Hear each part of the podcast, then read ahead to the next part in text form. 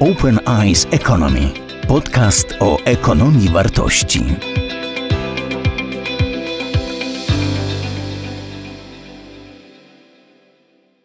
Bardzo dziękuję za to bardzo inspirujące e, uzupełnienie e, tego naszego wspólnego wykładu.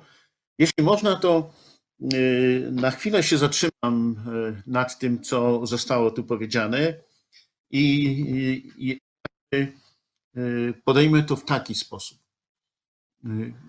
Bardzo mocno w swoim wystąpieniu zabrzmiało to, że jeśli chcemy zaradzić tym krytycznemu, tym krytycznym zjawiskom, tym zagrożeniom, to musimy znaleźć wspólną czasoprzestrzeń z przyrodą.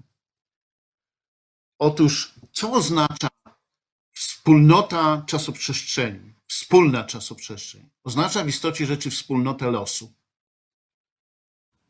To znaczy zrozumienie, że tak jak przy, los zależy od nas, bo nasze działanie jest groźne dla przyrody, tak samo nasz los zależy od przyrody i musimy znaleźć jakiś rodzaj wspólnotowości, która musi jednak polegać na tym, że to my zrozumiemy przez nasze zmiany codziennego sposobu postępowania, jak ważne jest dla nas przyjęcie odpowiedzialności za swoje działanie w takiej odpowiedzialności, byśmy nie czynili tego, co w istocie rzeczy codziennymi działaniami czynimy. Ja bardzo często yy, przywołuję przykład gospodarki leśnej i przykład lasu i zaczynam yy, często przywołując ten przykład od takiego zdania, Las dla swego istnienia nie potrzebuje człowieka. Istniał, gdy człowieka nie było.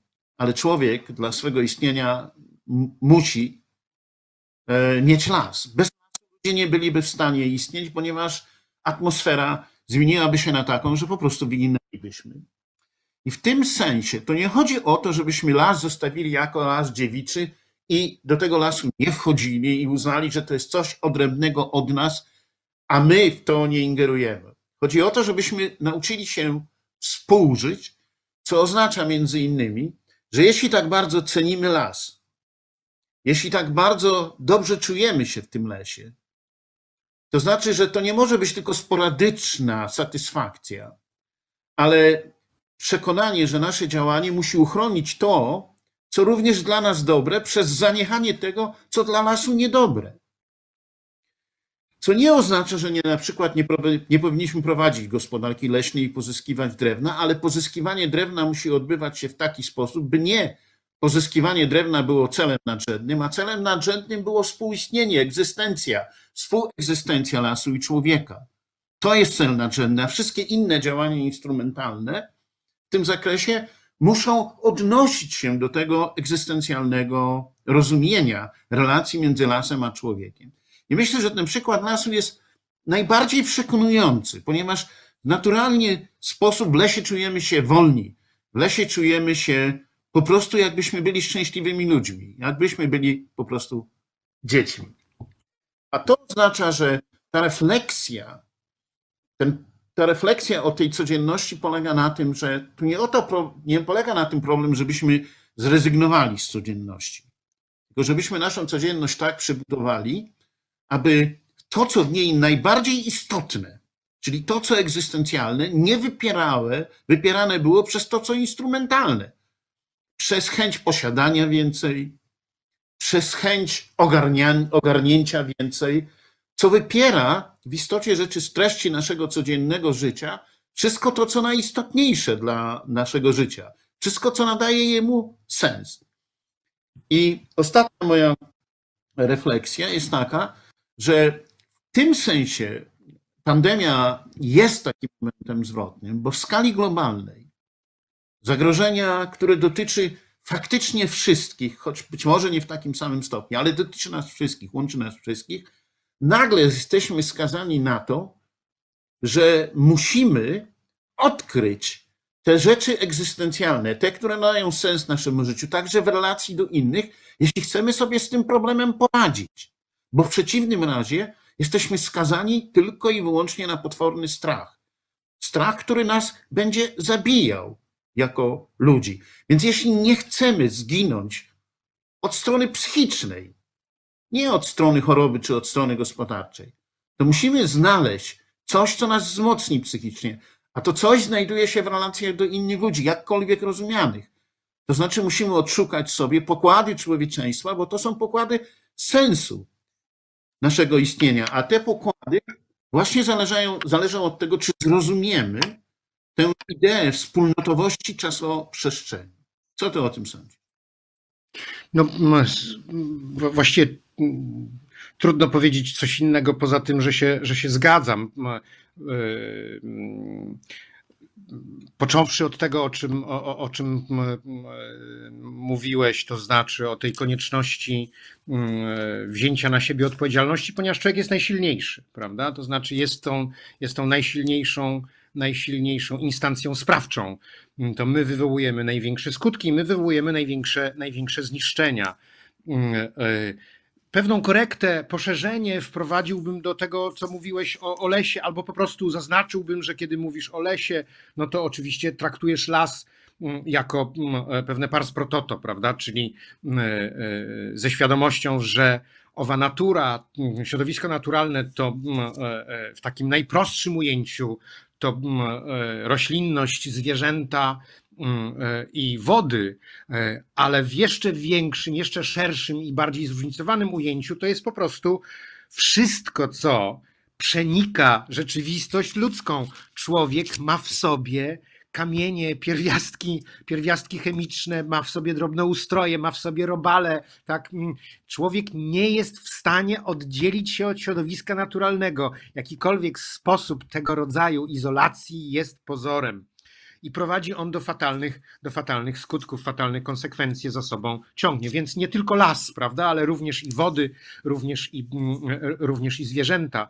E, I wreszcie na samym końcu, kiedy mówisz o człowieczeństwie, to ja już bym chciał jednak owo człowieczeństwo trochę bardziej zmieszane, to znaczy mm, ludzka e, e, ludzka mm, solidarność musi się również odnieść do tego, co w naszym świecie poza ludzkie, a więc właśnie zwierzęce, roślinne, wodne, tak? Dlatego, że jeżeli będziemy ograniczać swoje zdolności empatyczne do człowieka, no to będziemy powtarzali, będziemy replikowali tę historię, z którą mamy do czynienia właśnie teraz. Człowiek człowiekowi bratem w warunkach dobrym, dobrych i człowiek człowiekowi wilkiem w warunkach niedobrych. Tu po, pozwoliłbym sobie jeszcze jedną rzecz to powiedzieć, jeśli, jeśli mogę, chyba że chcesz kolejne pytanie, kolejną kwestię. Nie, nie, nie, nie bardzo proszę.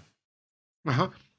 A mianowicie nakreśliłem te dwa skrajne warianty polityczne, które mówią albo e, w warunkach kryzysu rozpadnie się, rozpadną się wszelkie struktury i będziemy mieli takiego Mad Maxa, prawda? To no, no, pewnie wszyscy znają, mm, wszyscy znają ten, e, ten film, przynajmniej jeden z, z, z czterech, prawda?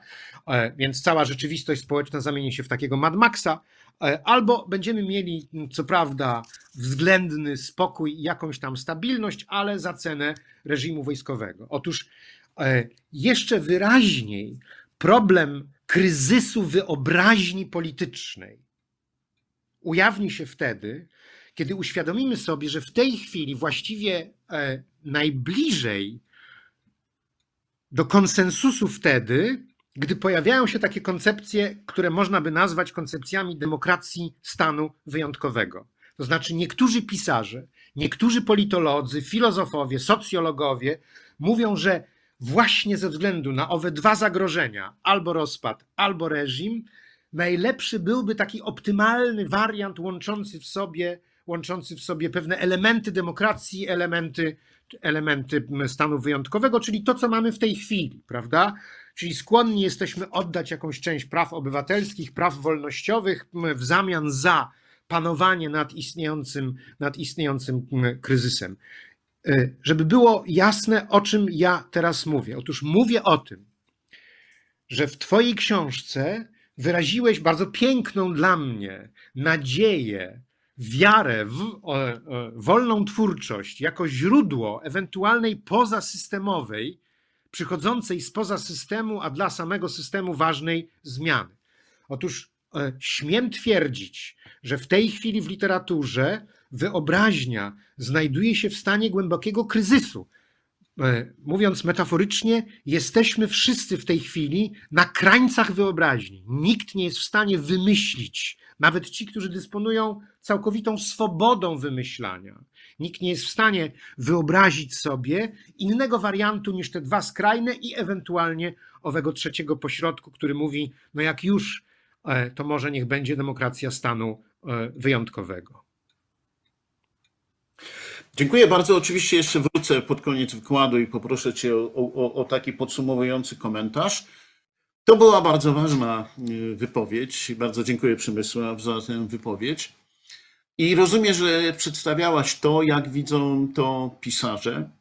I chcę powiedzieć, że nie zgadzam się y, z tymi scenariuszami, w tym znaczeniu, że nie wykluczam żadnego z nich, ale też nie uważam, że pula możliwych scenariuszy została tutaj prawidłowo określona. Podoba mi się to, że dzisiaj jesteśmy na granicach wyobraźni, że nie potrafimy ich przekroczyć, ale ja uważam, że możemy je przekroczyć pod, jedną, pod jednym warunkiem, a mianowicie, że nie tylko będziemy rozważali kwestie wspólnotowości społecznej czasoprzestrzeni, ale rozważymy inną kwestię, o której w tej chwili chcę powiedzieć, kwestię otwartości e, społecznej czasoprzestrzeni. Ja uważam, że ta droga, ta ścieżka, która wiedzie nas do pożądanej zmiany i do zmiany, która nie będzie e, pozbawiała nas istotnych egzystencjalnych elementów e, jakości życia, takich jak wolność, w tym wolność twórcza, wiedzie przez to, by rozumieć sens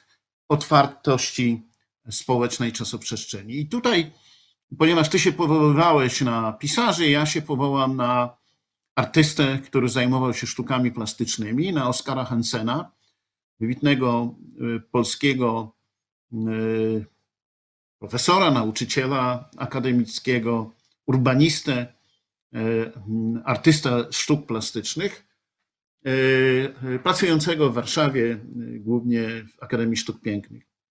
Otóż Oskar Hansen jest autorem bardzo ciekawej koncepcji, dotyczącej e, właśnie różnych form wizualnych i wizualizacji świata, której dokonał istotnego rozróżnienia między formą zamkniętą i formą otwartą czasoprzestrzeni.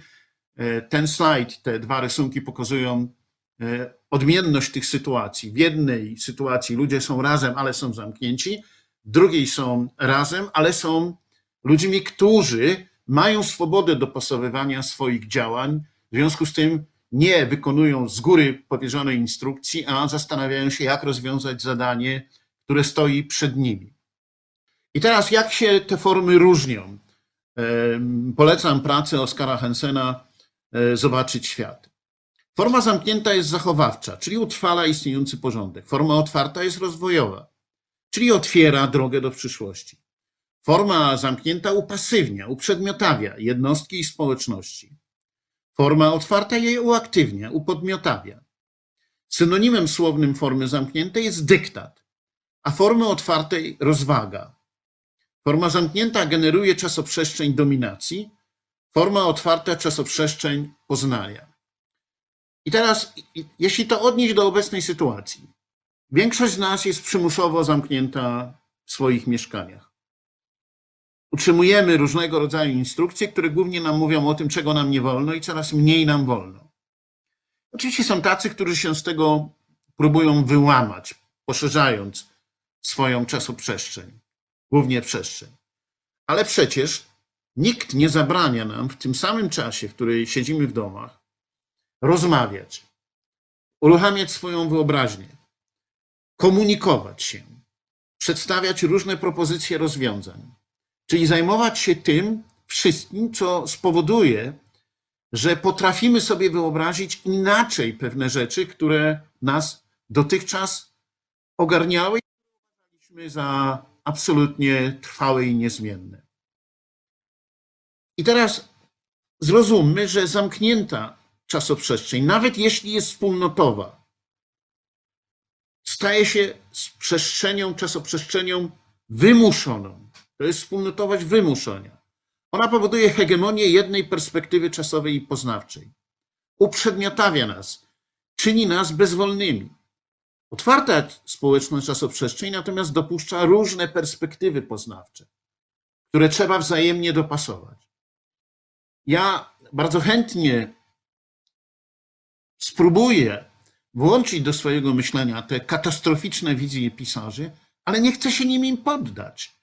Będę szukał również i takiej inspiracji jak Oskar Sansen, żeby nie poddawać się tego rodzaju e, paraliżującemu nastawieniu. W zamkniętej społecznej czasoprzestrzeni podstawową formą zachowania jest walka o dominację. To, co też e, mówił Przemysław Czapliński, że jak jest dobrze, to jesteśmy braćmi, jak będzie źle, to będziemy sobie e, wrogami, wilkami. W otwartej społecznej czasoprzestrzeni organizacja staje się żywym laboratorium, w którym aktorzy testują różne nowe formy rozwiązania swoich problemów. Możemy na przykład korzystać z tak zwanych z, z drukarek 3D. Są ludzie, którzy mają te drukarki. Możemy łączyć różne programy, możemy wytwarzać różnego rodzaju dobra, także w sytuacji, w której jesteśmy w tej chwili na pozór kompletnie zamknięci. Tylko musimy wyjść poza to zamknięte właśnie w tą otwartą społeczną czasoprzestrzeń. Zamknięta społeczna czasoprzestrzeń jest czasoprzestrzenią korzystania z dostępnych zasobów, czasoprzestrzenią użycia, w której prędzej czy później współodpowiedzialność zanika. Po prostu stajemy się głównie konsumentami i traktujemy siebie ewentualnie jako rywali do konsumpcji lub ludzi, którzy mogą sobie pomóc w lepszej, ciekawszej konsumpcji. Otwarta społeczna czasoprzestrzeń jest czasoprzestrzenią wytwarzania zasobów. To nas upodmiatawia. Jeśli potrafimy coś nowego wykreować, stworzyć, ale wtedy jest, przyjmujemy też za to odpowiedzialność. W zamkniętej czasoprzestrzeni nie da się zapobiegać nadmiernej eksploatacji zasobów ponieważ dominuje w niej orientacja na teraźniejszość, a współodpowiedzialność słabnie. Z jednym zdaniem, y, które wypowiedział profesor Czapliński, nie, nie byłbym się gotów e, zgodzić. Wtedy, gdy pokazywał tą dychotomię czasoprzestrzeni natury, przyrody i czasoprzestrzeni człowieka, to powiem, że rzeczywiście przyroda jest w tej czasoprzestrzeni Ionu, a my nie w czasoprzestrzeni kairosu, czyli podejmowania twórczego wyzwania, lecz czasoprzestrzeni chronosu, czasoprzestrzeni, w której tak naprawdę rozumiemy wszystko, co nas otacza, głównie fizycznie, a mało społecznie, głównie przez ilość, głównie koncentrujemy się na to, by więcej, e, szybciej, a nie na tym, by lepiej w sensie jakościowym, mądrzej, sensowniej. I teraz y, chcę pokazać Państwu y, kluczowy w mojej książce i kluczowy w tym wykładzie ekonomii wartości slajd, pokazujący to, że możemy różnie ujmować czasoprzestrzeń i to, jak ją ujmujemy, wpływa w istotnie rzeczy na nasze codzienne postępowanie. Jeśli gospodarowanie rozumiemy głównie jako dokonywanie transakcji, to wtedy rozumiemy czasoprzestrzeń linearnie. Po prostu to jest czas biegnący od jednej transakcji do drugiej transakcji, od jednego zadania do drugiego zadania. To jest czas podzielony na małe odcinki, której w istocie rzeczy wszystko, co było przedtem i wszystko, co będzie potem, ma bardzo małe znaczenie. Liczy się tu i teraz. Możemy oczywiście, recykling jest tego przykładem, próbować zapobiegać negatywnym skutkiem gospodarki linearnej. Ja o tym mówiłem na pierwszym wykładzie tworzyć właśnie obieg zamknięty. Ale podkreślałem, że iluzją jest wiara w to, że całą gospodarkę się da stworzyć w takim obiegu zamkniętym. W związku z tym coraz mocniej zdajemy sobie sprawę, że ta gospodarka musi dokonywać swojego obiegu w jakiś otwarty sposób. Natomiast ważne jest to, czy to, co pozostaje swego rodzaju rezyduum, będzie nas ciągnęło w dół, czyli będzie nakręcało spiralę regresywną, czy będzie nas ciągnęło w górę, czyli będzie nakręcało spiralę rozwojową. No i właśnie możemy rozumieć również to, co wiąże się z gospodarowaniem, jako coś, co biegnie w sensie czasoprzestrzeni w formie spirali. I ja namawiam do tego, żeby właśnie tak rozumieć gospodarowanie, jako po prostu kumulującą się spiralę. Otóż problem ze współczesną gospodarką rynkową polega na tym, że uczestnicy rynku nie są świadomi, że w istocie rzeczy mają do czynienia z czasoprzestrzenią spiralną, a więc w rezultacie nie dostrzegają konsekwencji swoich dalszych działań. Jest oczywiście w teorii ekonomii pojęcie, które no jest omawiane, tak zwanych externalities, czyli efektów ubocznych. Ale w istocie rzeczy w praktyce gospodarowania to tak zwane efekty, efekty uboczne to są efekty, które dopuszczamy, trudno, nie możemy nic zrobić, albo efekty, które są bardzo odległe, efekty dalszego czasu. Więc jak e, Przemysław Czapliński mówi, że pisarze podkreślają, że to coś złego jest nagłe, jest nagle gwałtowną katastrofą, tak jak ten koronawirus, to w istocie rzeczy sami też nie dostrzegają, że to się nawarstwiało, to się kumulowało, że to działało na tej zasadzie, że za każdym kolejnym rokiem tej działalności gospodarczej te negatywne konsekwencje się kumulowały i ciągnęły nas w dół, nakręcały regres. I w związku z tym problem kształtowania społecznej czasoprzestrzeni gospodarowania to problem takiego kształtowania obiegu gospodarczego, aby ten proces spiralny ciągnął nas w górę. Co to znaczy w górę? Prowadził do wyższej jakości życia, nie konsumpcji, nie zaspokajania materialnych potrzeb, ale wyższej jakości życia. A elementem życia jest dobrostan, także dobrostan psychiczny, także ten dobrostan, który wiąże się z poczuciem sensu, zaspokajaniem potrzeb nie tylko materialnych, ale także tych potrzeb, które wiążą się z szeroko rozumianym człowieczeństwem. I otóż nie można tego myślenia rozwinąć bez refleksji etycznej, bez refleksji aksjonormatywnej, właśnie bez kształtowania innego imaginarium, innego wyobrażenia. Więc jeśli ja poprzez profesora Czaplińskiego, wybitnego kulturoznawcę, znawcę polskiej literatury, człowieka, który ją najlepiej ogarnia i komentuje, mógłbym zwrócić się do całej masy tych wybitnych pisarzy, to powiedziałbym, postarajcie się pomyśleć w swoich pracach, w jaki sposób można kształtować inne imaginarium, takie, które do ludzi by trafiło. Wykorzystajcie swoją sztukę, wykorzystajcie to, co potraficie najlepiej, żeby pokazać ludziom drogę. Powoli e, będę zmierzał do konkludowania e, wykładu i e, chcę przedstawić kilka takich podstawowych konkluzji, które z niego całościowo wynikają. Pierwsza jest następująca. Kształtowanie społecznej czasoprzestrzeni zawsze jest powiązane z określonymi ideami. A idee nie rodzą się na kamieniu, nie są podyktowane na kamieniu, nie są na nim zapisane Idee wynikają z ludzkiego działania i doświadczenia. My potrzebujemy nowego imaginarium, które musi być zbudowane na nowych ideach. Nowe idee są zakorzenione w praktyczności, właśnie również tej praktyczności, której doświadczamy teraz. Kształtują się w złożonym procesie przychodzenia od nowej idei poprzez istniejący ład aksjonormatywny, czyli taki etyczny wymiar tego, co jest, się dzieje, i zmianę tego rozumienia etyczności, rozumienia tego, co jest dobre, a co jest złe, co jest słuszne i niesłuszne. I system społeczny przeobraża się o tyle, o ile pojawia się nowa praktyka, ale nowa praktyka, która wynika właśnie z tej nowej refleksji, która musi się dokonywać w otwartej czasoprzestrzeni. Druga myśl, jako konkluzja. Gospodarowanie jest ruchem o różnych trajektoriach i pętlach. Te krótkie są łatwo dostrzegalne i można nimi sterować. A więc te na przykład, które pozwalają nam na pomysł rzeczywistego, dobrego recyklingu. Te długie, często dokonywane w skali globalnej, przeciwnie. Mamy tu do czynienia z tak złożonym układem, który bardzo często jest trudno ogarnąć. W dodatku pojawiają się z nim zjawiska zaskakujące. Szoki, których nie potrafimy przewidzieć. Te długie pętle bardzo często e, te małe pętle prowadzą do pewnego obiegu, który można zamykać. Te wielkie dokonują się w otwartej przestrzeni.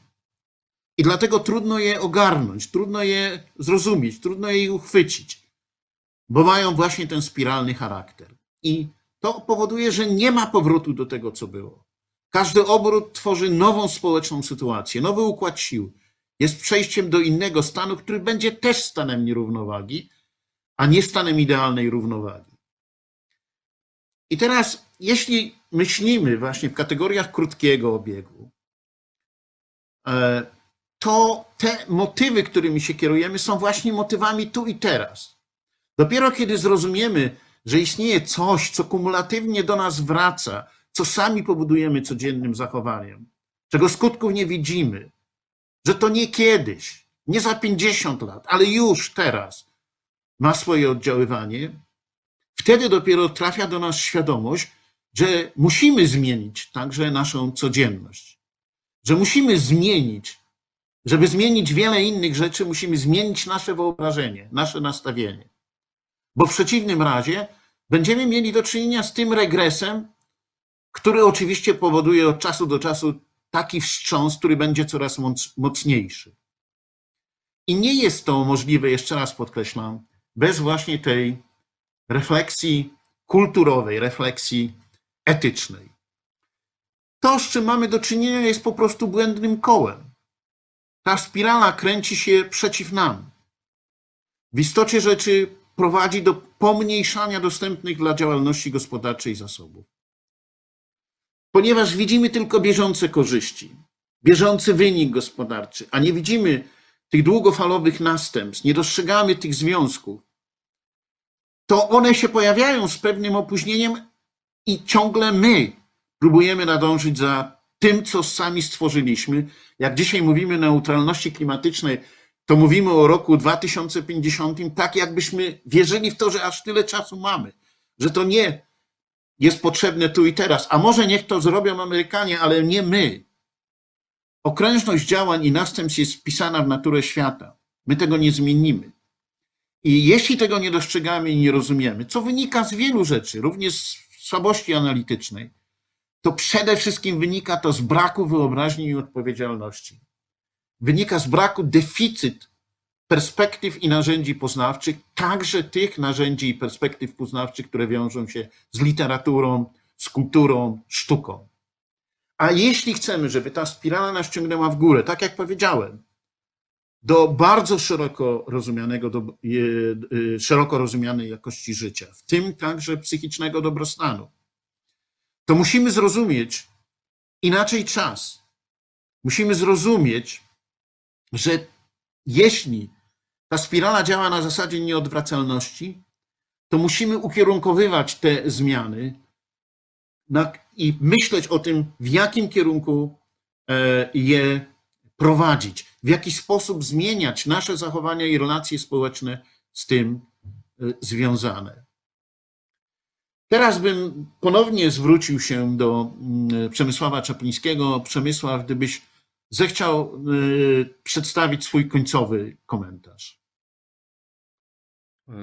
Dziękuję bardzo. On już będzie, on już będzie krótki.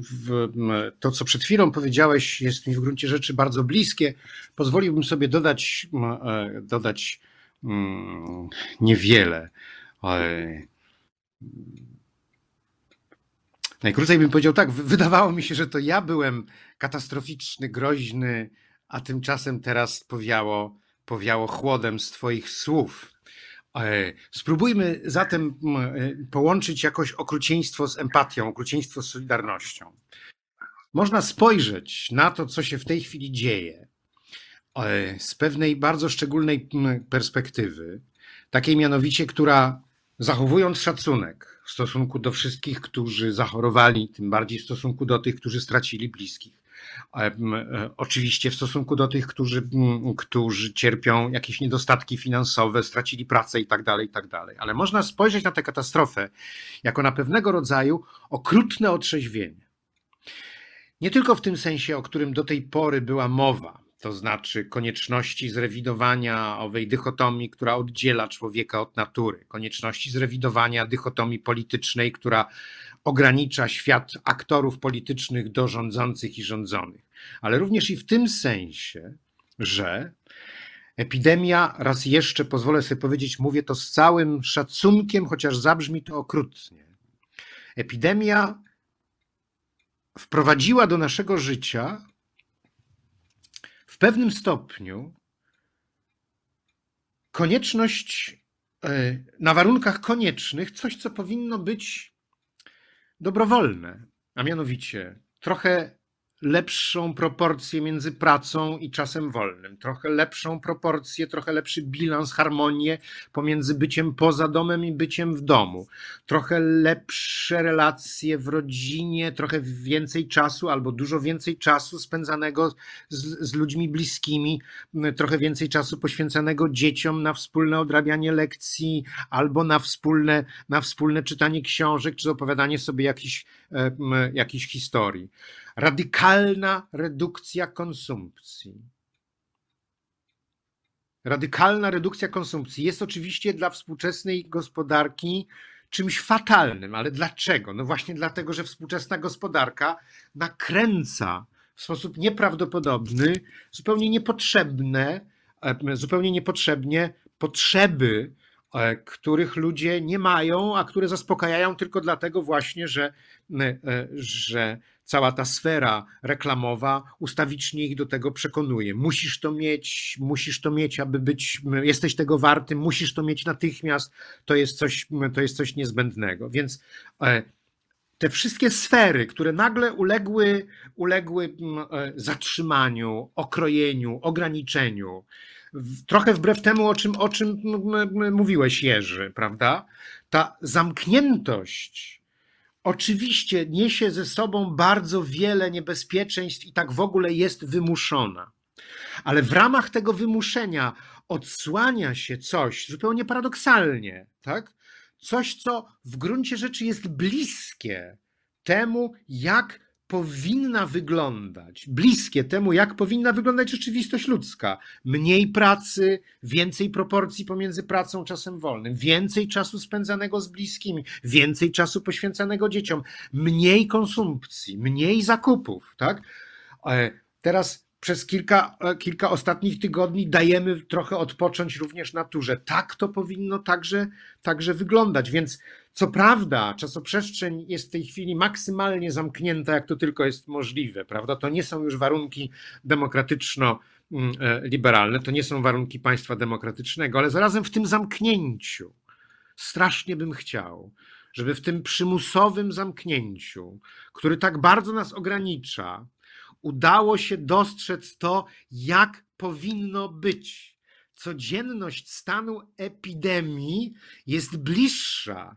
To jest okrutny paradoks, ale codzienność stanu epidemii jest bliższa pożądanej codzienności niż codzienność poza stanem epidemii. Dziękuję bardzo. Y, będę teraz przychodził już do końcowej myśli i zamykania tak. wykładu. W związku z tym y, chcę przedstawić Państwu teraz myśl końcową tego wykładu. Ona brzmi tak. Aby rozwój, który jest wypadkową różnych oddziaływań wielu różnych aktorów, stawał się, muszą być oni w jakiejś mierze zorientowani na przyszłość, a nie tylko na teraźniejszość. A to znaczy, że muszą swoją współodpowiedzialność rzutować w przyszłość. W przeciwnym razie wszystko, co akcjonormatywne, niknie. To jest bardzo ważna myśl, którą zresztą jest w pracach Radosława Strzeleckiego, którego przywoływałem, ale także znajdziemy ją u najwybitniejszych wielkich filozofów, u, Immanuela, e, u, u, u wielu innych filozofów, mianowicie, że nie ma etyczności bez rozumienia czasu, bez odniesienia się do czasu. Jeśli czas jest tylko tu i teraz, czasem dzisiejszego dnia, to e, etyczność niknie. Aksjologia wtedy bezdomnieje. Ma ona społeczny sens tylko wtedy, gdy czas wytwarzamy, to znaczy podejmujemy wyzwanie, uruchamiamy wyobraźnię, czujemy się odpowiedzialni, nie zostawiamy spraw, podejmujemy działanie, przyjmujemy współodpowiedzialność, troszczymy się o innych, dbamy o przyrodę. Otóż, gdy nie wytwarzamy w ten sposób czasu, gdy nie podejmiemy tego wspólnotowego wysiłku rozwojowego, to traci podstawy etyczność i odpowiedzialność. A wtedy dobro nie będzie wytwarzane, nawet jeśli potrafimy wytwarzać bardzo wiele i coraz więcej różnych dóbr. Proszę Państwa, dzisiejszy wykład był o czasie i społecznym stawaniu się w czasie. Był o rozumieniu filozofii, czasów filozofii greckiej. Był o tym, i tu się odwoływałem właśnie do prac pana profesora Przemysława Czaplińskiego, jak ludzie mogą tworzyć i rozumieć przestrzeń. A więc i o rodzajach przestrzeni. Przede wszystkim akcentowałem znaczenie zamkniętej i otwartej społecznej przestrzeni i odnosiłem to do gospodarki, mówiąc o tym, że tak jak kształtujemy i rozumiemy społeczną czasoprzestrzeń gospodarowania, takie są konsekwencje, a jeśli tego nie rozumiemy, to te konsekwencje jeszcze mocniej w nas uderzają. Chciałbym Państwa, dziękując za uwagę, zaprosić na następny wykład. Ten wykład będzie e, za tydzień, 16 kwietnia. Zakładam, że w tej samej formie. I chcę wyraźnie powiedzieć, że ten wykład będzie wejściem na ścieżkę pozytywnego rozumowania. To znaczy, będę się w tym wykładzie razem z panem profesorem Krzysztofem Obłojem z Uniwersytetu Warszawskiego i panem Przemysławem Powolaczem, prezesem zarządu Geberit Polska, więc człowiekiem, który kieruje dużym biznesem międzynarodowym, zastanawiał nad tym, jak to, o czym rozmawialiśmy dzisiaj, może się ujawniać na poziomie przedsiębiorstwa. W jaki sposób możemy kształtować podejście do wartości w biznesie. I chcę wyraźnie powiedzieć, że ten wykład jest o ekonomii wartości, a więc ja koncentruję się głównie na tych rozwiązaniach, które wiążą się z gospodarowaniem, i ten wykład będzie pokazywał drogę tej zmiany, która jest nam dzisiaj bardzo potrzebna. I tradycyjnie podkreślam, że wykład Ekonomia Wartości jest wykładem związanym z ruchem Open Eyes Economy, właśnie z ruchem ekonomii wartości, a ważnym elementem tego ruchu jest organizowany przez nas Kongres Ekonomii Wartości. Jego piąta edycja ciągle, wierzę w to, odbędzie się w Krakowie 17-18 listopada. Dziękuję Państwu za uwagę i zapraszam na kongres. Do widzenia.